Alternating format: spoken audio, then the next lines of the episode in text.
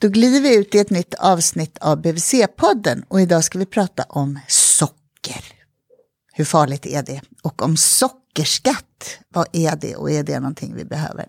Jag heter Malin Bergström, jag är barnhälsovårdspsykolog och jag träffar Claude Marcus som är barnläkare. Och det här, du har på något sätt engagerat dig i den här frågan kring socker och sockerskatt, Claude. Vad var det som fick dig att bli så intresserad av det? Eller? Ja, jag håller ju på med barnfetma och försöker hjälpa familjer med barn med fetma och hjälpa dem att gå ner i vikt och att eh, leva på ett sunt sätt. Och då är ju socker någonting som ju alltid kommer in och som det är viktigt att man förhåller sig till. Och det gäller att förhålla sig, sig till det på något sunt sätt och se hur man ska ha med det i barnens liv. För socker är väldigt viktigt för oss. Du, för, om, om vi börjar verkligen från grunden här. Om ett barn får fetma, hur, vad, hur ska man tänka kring det är fett och socker och att röra på sig. Det är de tre parametrar som man ska jobba med, eller? Alltså det är ju så att eh, det beror ju bara på en sak egentligen eh, som gör att man utvecklar fetma och det är att vi äter för mycket. Det är väldigt svårt att springa ifrån det problemet utan det är framförallt vad vi äter. Fysisk aktivitet är ju jätteviktigt för barnens hälsa på många andra sätt. Man blir ofta piggare, man blir gladare, det är bra för hjärnans utveckling, det är bra för det mesta. Men just för fetma verkar det inte ha någon större betydelse faktiskt. Jaha, så det gäller att minska hur mycket man käkar? Ja, exakt. Och då är, vad är det som är, om man går in i själva kosten då, om man, vi pratar om socker kontra fett till mm, att börja med. Mm.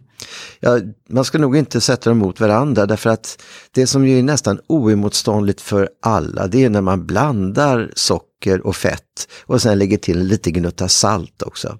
Då går det att äta nästan hur mycket som helst av det som är så onyttigt. Och det är det vi måste minska på. Alltså vi måste minska på det här vi äter, vi måste minska lite på tillgängligheten. Därför att vi tål inte det samhälle som vi har nu, helt enkelt. Och det, det är då ena sidan av det här problemet.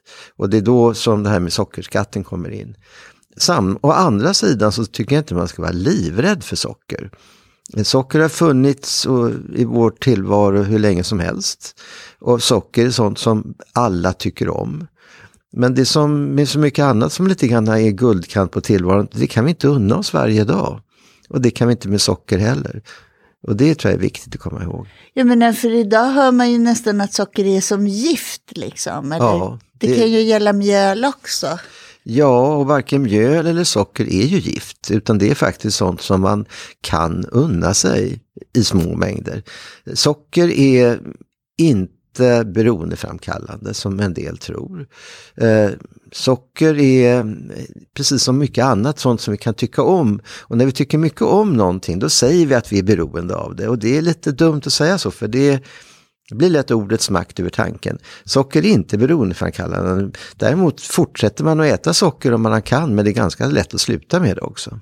Och det säger du säkert? Det säger jag helt säkert. Och det kan man gå igenom en mängd olika steg som visar hur det här fungerar. För att i hjärnan, i våra belöningssystem i hjärnan som lyser upp och blir glada när vi gör sånt som vi tycker om.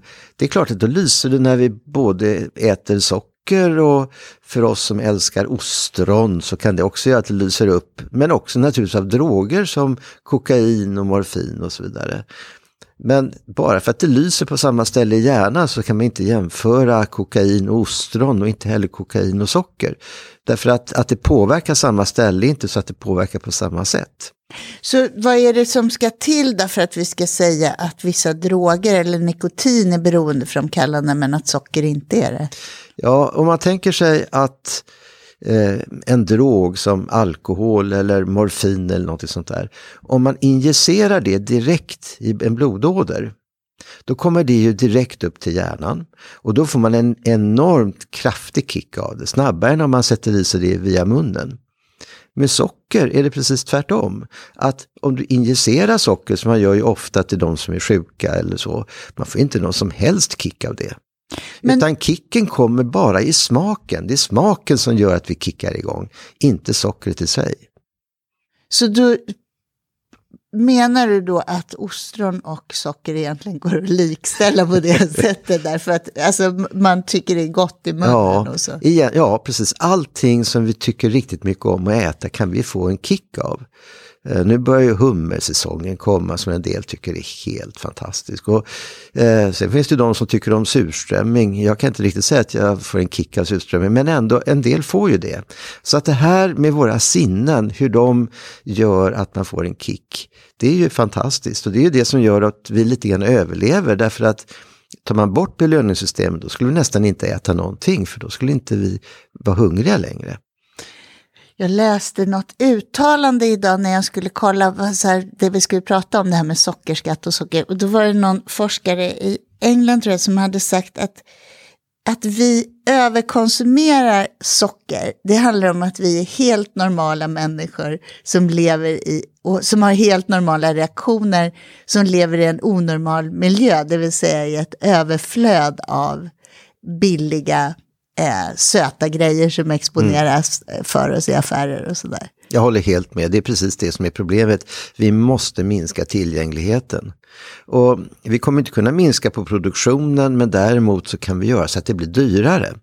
Därför ett problem är att det är så oerhört billigt att eh, äta för mycket socker. Eh, det som har hänt under de sista 30-40 åren är att det som är nyttigt och som vi egentligen ska äta mer av, alltså färsk frukt, färska grönsaker, har blivit en 30-40% dyrare i relativa termer. Samtidigt har socker och olja och fetter blivit en 30-40% billigare. Så att det som var en lyxvara eh, för 30-40 år sedan är nu en dussinvara som vi kan hälla i oss enorma mängder av, till exempel läsk. Eh, Medan det som är nyttigt har blivit mycket dyrare. Och det är därför man behöver försöka skifta om det här igen. Så att man lyfter de här hävarmarna tillbaka som de var förut. Men du, för, jag vet inte, men jag kan gilla att köpa sådana här vintagekläder från 70-talet. Och jag har märkt att de är ofta väldigt små i storlekarna. Är, stämmer det att vi var mycket mindre på 70-talet? Vi var mindre, storlekarna, samma storlek är större nu än det var tidigare. Så det är ett sätt som gör att man tar bort lite döva det dåliga samvetet för att vi har vuxit. Genom att man alltså helt enkelt gör storlekarna större. Plus att vi de facto väger mer idag. Vi väger mer, ja. Och du, sätter du det i samband med den här prisutvecklingen som du just beskrev på nyttig respektive onyttig mat? Ja, det är definitivt en av de sakerna. Och sen tillgängligheten. 24 timmar om dygnet, sju dagar i veckan kan vi alltid få tag på det vi vill äta. Det som är sött, salt, varmt, kallt, eh, när som helst. På 7-Eleven, på bensinmackar, i våra kylar och frysar och värma via mikrovågsugnar. Vi kan jättesnabbt alltid få i oss någonting. Och det är svårt att ändra på. Men, Men- där, men däremot så måste vi försöka ändra på prissättningen. Så att det som verkligen inte, vi inte ska äta för mycket av, det måste få bli lite dyrare. Och det där diskuterar man i Sverige, förstår jag. Men 2011 så införde man det i Ungern. Ja, man har infört en sockerskatt i flera länder. Man har en liten sockerskatt i USA. I Berkeley har man en ganska kraftig sockerskatt som har påverkat konsumtionen mycket. I Mexiko har man en sockerskatt. I eh, Och vissa europeiska länder. och vissa europeiska länder. Och vad är då sockerskatt? Ja, det är olika saker. Eh, Men eh, för de flesta länder är det en läskskatt. Och på andra ställen är det mer generellt på socker i mat. Men det mest, för det mesta är det läskskatt och det är det som är lättast att åstadkomma. Och läsk är ju en sak som vi vet är en oberoende riskfaktor för att man ska utveckla fetma för barn. Eh, det finns ju studier där man alltså låtit barn blint, alltså de har inte vetat och inte forskarna heller, ingen har vetat, men de har fått en sån här can med läsk, antingen sockersötad eller med sötningsmedel, en sån per dag under ett år. Och så har man sett vad som hände och då kunde man se att fast de här barnen åt precis vad som helst i övrigt, det var ingen kontroll över det. Så den här extra lilla eh, kannen med läsk gjorde att de barnen som fick sockersötad läsk utvecklade mera fetma och hade större andel fett i kroppen efter ett år. Så sötningsmedel, EF, det funkar de facto? Sötningsmedel för den som löper risk att utveckla fetma är mycket, mycket bättre än socker. Men, men i vissa länder när man gjort en sån här sockerskatt, då går sötningsmedel in i det också.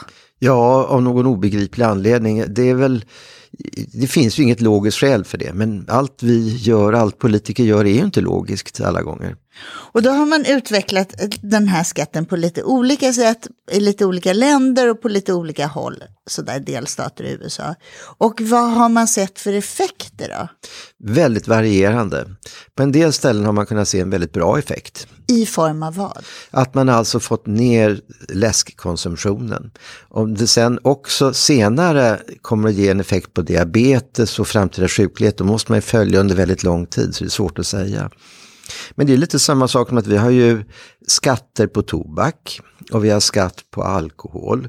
Och eh, det har vi infört utan att försöka bevisa att det verkligen är effektivt, utan vi har helt enkelt tänkt att det bör vara effektivt. Och alla data tyder på att när priset går upp ordentligt då minskar också konsumtionen. Men då har man också sett på vissa håll att det där, då förändrar sig köpmönstren, till exempel att norrmän åker till Sverige och köper godis. Eller? Ja, eller att Sverige åker till, eh, till Tyskland och köper öl. Det har inte hindrat oss att införa andra skatter, därför att det begränsar ju ändå. Men du, du, du har verkligen jobbat för det här förstår jag. Det här är en, en sån här liten käpphäst för dig. Det är en, en sak som jag tycker, det, för det finns ett symbolvärde i det. Om politiker beslutar att man ska införa en sockerskatt om man då dessutom använder de pengarna för att ta bort momsen på färska frukt, färsk frukt och färska grönsaker, då vinner man ju dubbelt. Då kan man verkligen ändra på den här hävarmen och låta den gå tillbaks närmare det den var för 30-40 år sedan. Men då såg jag någonstans att det var någon som argumenterade för att höja priset. Ja, det har effekt på våra köpmönster, men att sänka priset på till exempel nyttiga grejer. Det skulle inte kunna ha samma effekter.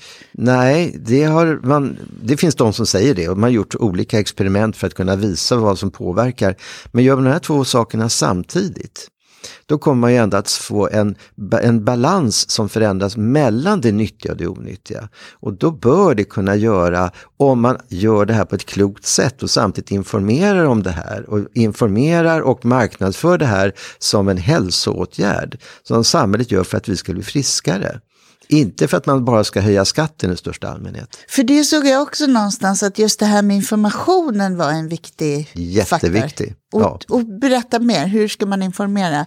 För att när man har gjort sådana här preventiva studier, till exempel inom barnhälsovården, då har man ju inte sett effekter på det. Det är jättesvårt att få effekter men om man inför en skatt på det här viset, om man också tar bort skatten på andra, andra varor som är nyttiga, då kan ju det göra att förståelsen, toleransen och insikten ökar. För då blir det faktiskt både morot och piska. Det blir både någonting som man faktiskt gör och någonting man säger. Och det är ju så med all pedagogik att om man både säger och gör någonting som går åt samma håll, då blir effekten mycket, mycket bättre.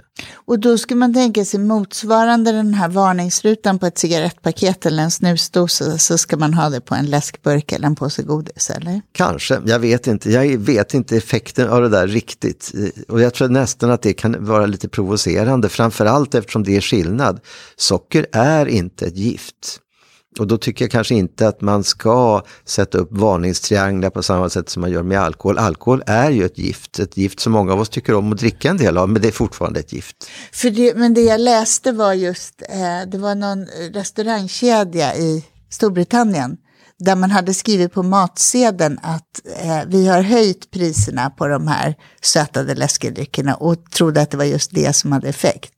Det här var ingen vetenskaplig studie, det var något jag läste om. Ja, alltså det blir ju en aha-upplevelse lite grann för människor. Det blir ju en insikt om man både faktiskt gör någonting och samtidigt säger någonting. Om man då höjer priset och samtidigt säger att det här gör vi för att vi tycker det är viktigt att man minskar på konsumtionen av det här för din hälsas skull så är det ett symbolvärde i det som man inte ska underskatta. Så du, du tänker så att även om man inte då kan se klara effekter, man kan se på vissa håll så kan man se en, en sänkning av konsumtionen på läsk. Mm. Men man kan inte belägga att det här egentligen hälsomässigt generellt skulle ha goda effekter så tycker du att symbolvärdet är så viktigt? Ja, och jag är övertygad om att det har hälsoeffekter fast det tar lång tid att bevisa det. Och i och med att det tar så lång tid att bevisa det och det är någonting som vi vet är ofarligt och vi vet att det skulle vara nyttigt. Det är inte, det är inte förenat med några risker överhuvudtaget då har jag svårt att förstå varför man inte ska göra det. Av precis samma skäl som att vi har skatter på tobak och på alkohol och på bensin och annat som vi tycker man ska minska konsumtionen på. Men då har jag förstått att det finns ju lite olika röster i det här. Det finns ju de som tycker, som inte håller med dig. Det finns det i högsta grad. Det finns de som tycker man ska ta bort bensinskatten också. Absolut, men om vi håller oss till sockerskatten, vad är det för motargument som du möter när du propagerar för det här? Ja, en mängd eh, olika mer eller mindre dimmiga sådana. En är ju att eh, om man inför en skatt så kommer det att drabba de sämst ställda i samhället. Att den som har mindre pengar och ändå ska köpa lika mycket socker och godis och läsk, då kommer man ha mindre pengar för att köpa annat som är nyttigt. Eh, och då har man på något sätt byggt in i argumentet att det går inte att påverka folks, folks konsumtionsmönster och det är det vi hävdar att man kan. Men det skulle man ändå kunna tänka sig att det skulle kunna bli en skatt som drabbar de som redan har om man inte ändrar på sitt konsumtionsmönster så gör det det. Och det gör ju faktiskt tobaksskatten också, för det är också de sämst ställda som röker mest. Och det har vi aldrig uppfattat som ett negativt argument i det sammanhanget. Vad är det som får politiken att tveka då? Att det här är repressivt, det är negativt, det är lite obehagligt. Eh, politiker vill ju fatta beslut som är positiva, trevliga och glada som man känner att man kan argumentera för med ett leende. Det här är någonting för att folk inte ska bli sjuka. Och det är mycket svårare för en politiker att ta bort det söta ur munnen på någon på det viset. Och samtidigt så tänker jag att det finns en väldig drive just nu att vi ska arbeta förebyggande kring övervikt och fett. Ja, vi pratar mycket. Men prata så det går, det går inte. Utan det är faktiskt så att man säger väldigt mycket men man gör ju ingenting. Eh, det kom ju ett förslag med ett antal punkter för eh, ett, några år sedan nu från Folkhälsomyndigheten på åtgärder man skulle göra för att minska på fetma och övervikt. Man gjorde ingenting av det. Så att det är mycket snack och lite verkstad. Mycket snack och lite verkstad, så du. Men om du nu liksom får lägga ut texten här i den här podden om dina, för du sa att man ska göra det här på ett klokt sätt. Mm. Och då är frågan, vad är det man ska beskatta då? För jag tänker, ska, är det läsk, är det, är det godis, är det sötyoghurt, är det juice? Ja, eh, det här kan man göra mm, väldigt enkelt och då tar man bara sötade drycker energidrycker och läsk och eh, har en ganska hög skatt på det. Det är, ett, det är ett enkelt, det är ett bra symbolvärde och det blir inte så svåra avgränsningar. Eller också gör man det på allting beroende på hur mycket socker det är i det. Det här som ofta står att det är inget tillsatt socker är ju en väldigt konstig tankevurpa. För socker är precis samma socker vare sig det är tillsatt eller inte apelsinjuice utan tillsatt socker är ju inte nyttigare än, än läsk på det viset. Men det tror ofta människor. Så att skulle man vara helt logisk så skulle det vara bättre att ha samma skatt på allting som innehåller socker oavsett varifrån det kommer. Och då skulle frukten stryka med där också? Ja, frukten, det är ändå så lite eh, socker ändå i frukt totalt sett så att det skulle inte påverka så mycket. Men det här kanske också bidrar till att, att den politiska tveksamheten, att det inte är helt givet hur man ska lägga upp det. Ja, det vi är inte de första som inför en skatt och har andra politiker i andra länder kunnat klara av det så kanske svenska politiker skulle kunna göra det också. Det känns ju kanske inte som att du har jättemycket medvind i det här, den här frågan just nu. Jag tänker Moderaterna har precis lanserat att de ska eh, att man tycker, de tycker att man ska få söndagsöppet på systemet. Mm. Och eh, jag har lite svårt att se att de två sakerna skulle gå emot varandra. Moderaterna har inte föreslagit någon sänkning av alkoholskatten till exempel. Utan de flesta politiska partier tycker det är okej okay med skatt för att minska konsumtion. Eh, men av någon anledning så tycker man inte det är viktigt här vad gäller sockerskatt. Samtidigt som fetma är ett av våra absolut största folkhälsoproblem som leder till mycket kraftigt för tidigt ökad död och ökad sjuklighet. Hur stort är det problemet? Hur, hur stor andel av oss lider av fetma respektive övervikt? Ja, det är ungefär 50 procent av vuxna som har övervikt eller fetma. Och eh, någonstans kring 15 procent som lider av fetma. För oss barn så är det, vet vi inte riktigt, men någonstans kanske en, mellan 5 och 10 procent av tonåringar lider av fetma. Så du menar att halva befolkningen lider av övervikt? Ja, i stort sett. Det är... Vad, om man tänker andra åtgärder kring det då, än sockerskatt? Ja, det, det, som behövs mycket är ju information om hur vi ska leva och underlätta ett bra liv. Och ett bra liv innebär att man äter regelbundet vid samma tid varje dag. Det gör man ju till exempel i Frankrike på ett helt annat sätt och de har också mycket mindre problem med det här. Så att, eh, och har sockerskatt. Och har sockerskatt. så att det är verkligen, men det handlar ju mycket om information förstås. Det handlar mycket om stöd att göra rätt. Och det är lite så man kan se det här med en sockerskatt också. Det är ett stöd att göra rätt helt enkelt. Det är en signal att det här är viktigt att tänka på, att inte äta för mycket socker. Är det det man kallar för nudging nu för tiden? Att man liksom med små sådana här knuffar puttar någon i rätt riktning. Så ja, gör bättre val. Liksom. Ja, och det är nog bättre med nudging än med alldeles för stora bombastiska eh, råd. För att det är ju någonting som då kan bli kontraproduktivt. Man, man gör gärna tvärtom när någon är, knuffar en för tydligt åt ett håll. Precis, och så kunde jag känna när vi pratade om det här med sockerskatt det, var ju, det är ju en del av en som tänker så här, gud vad, vilket repressivt samhälle, eller gud vad folk ska, storebror ska peka på en. Mm. Men å andra sidan så är man ju tacksam då om någon puttar en lite försiktigt åt mm. något håll mm. som blir bättre för en. Mm.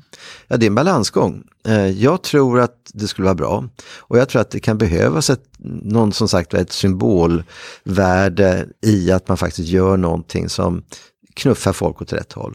Det handlar inte om att för, för, förbjuda socker. Det handlar inte om att säga att socker är ett gift, för det är det inte. Det är inte beroendeframkallande och det är ingenting som gör att barn blir upprörda och stissiga eller aggressiva heller. Det vill jag fråga om förut och så tappade jag det. Är det så att de inte blir det? Alltså? Nej. Barn blir inte stressade, Höga. högljudda, eh, vilda av socker. Det, det är också en sån här myt kring socker.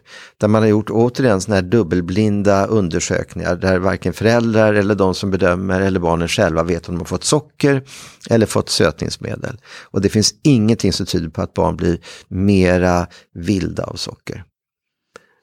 Så det kan vi ta med oss och å andra sidan så, så behöver vi långsiktigt få någon slags balans i vad vi äter mer av och vad vi äter mindre av. Ja, vi äter för mycket socker och därför ska vi minska på det. Inte för att socker gör att vi blir vilda utan för att det är helt enkelt så att vi, vi mår inte något bra av det. Är det något som jag har missat att fråga? Nej, jag tänkte just bara på det här sista som vi var inne på nu, där med om barn blir vilda. Ja, just det. det. Ja. men jag tänkte också. Ja. Ja, då tackar jag dig Claude, så glider vi ut från den här podden. Tack ska du ha.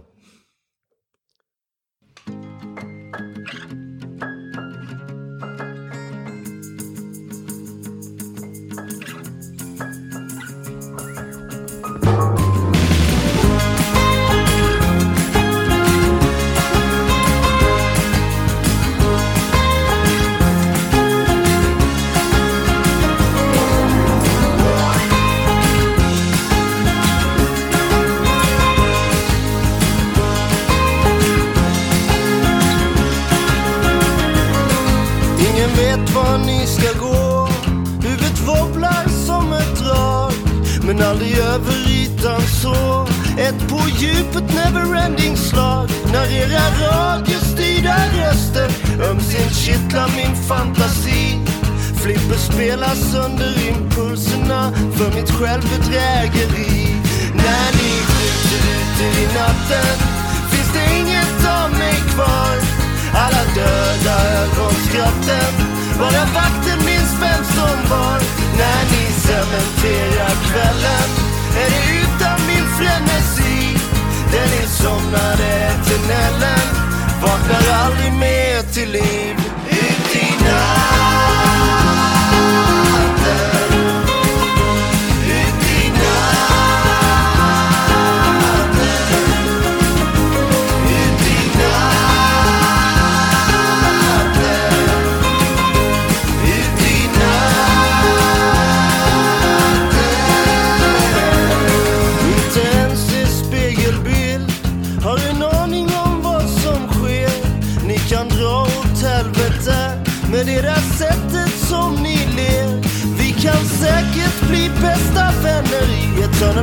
Sunshine of your spotless mind. Men inte riktigt när du bara älskar mig Genom rök och vodka lime.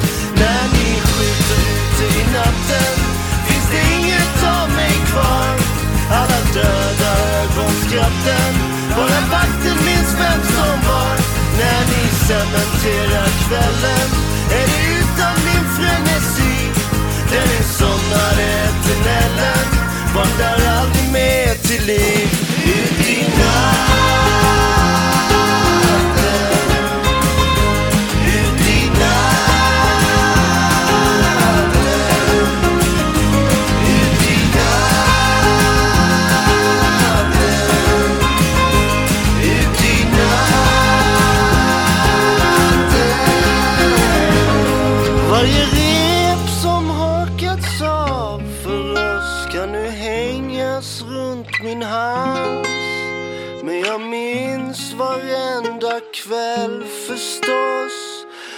Precis ingenting alls.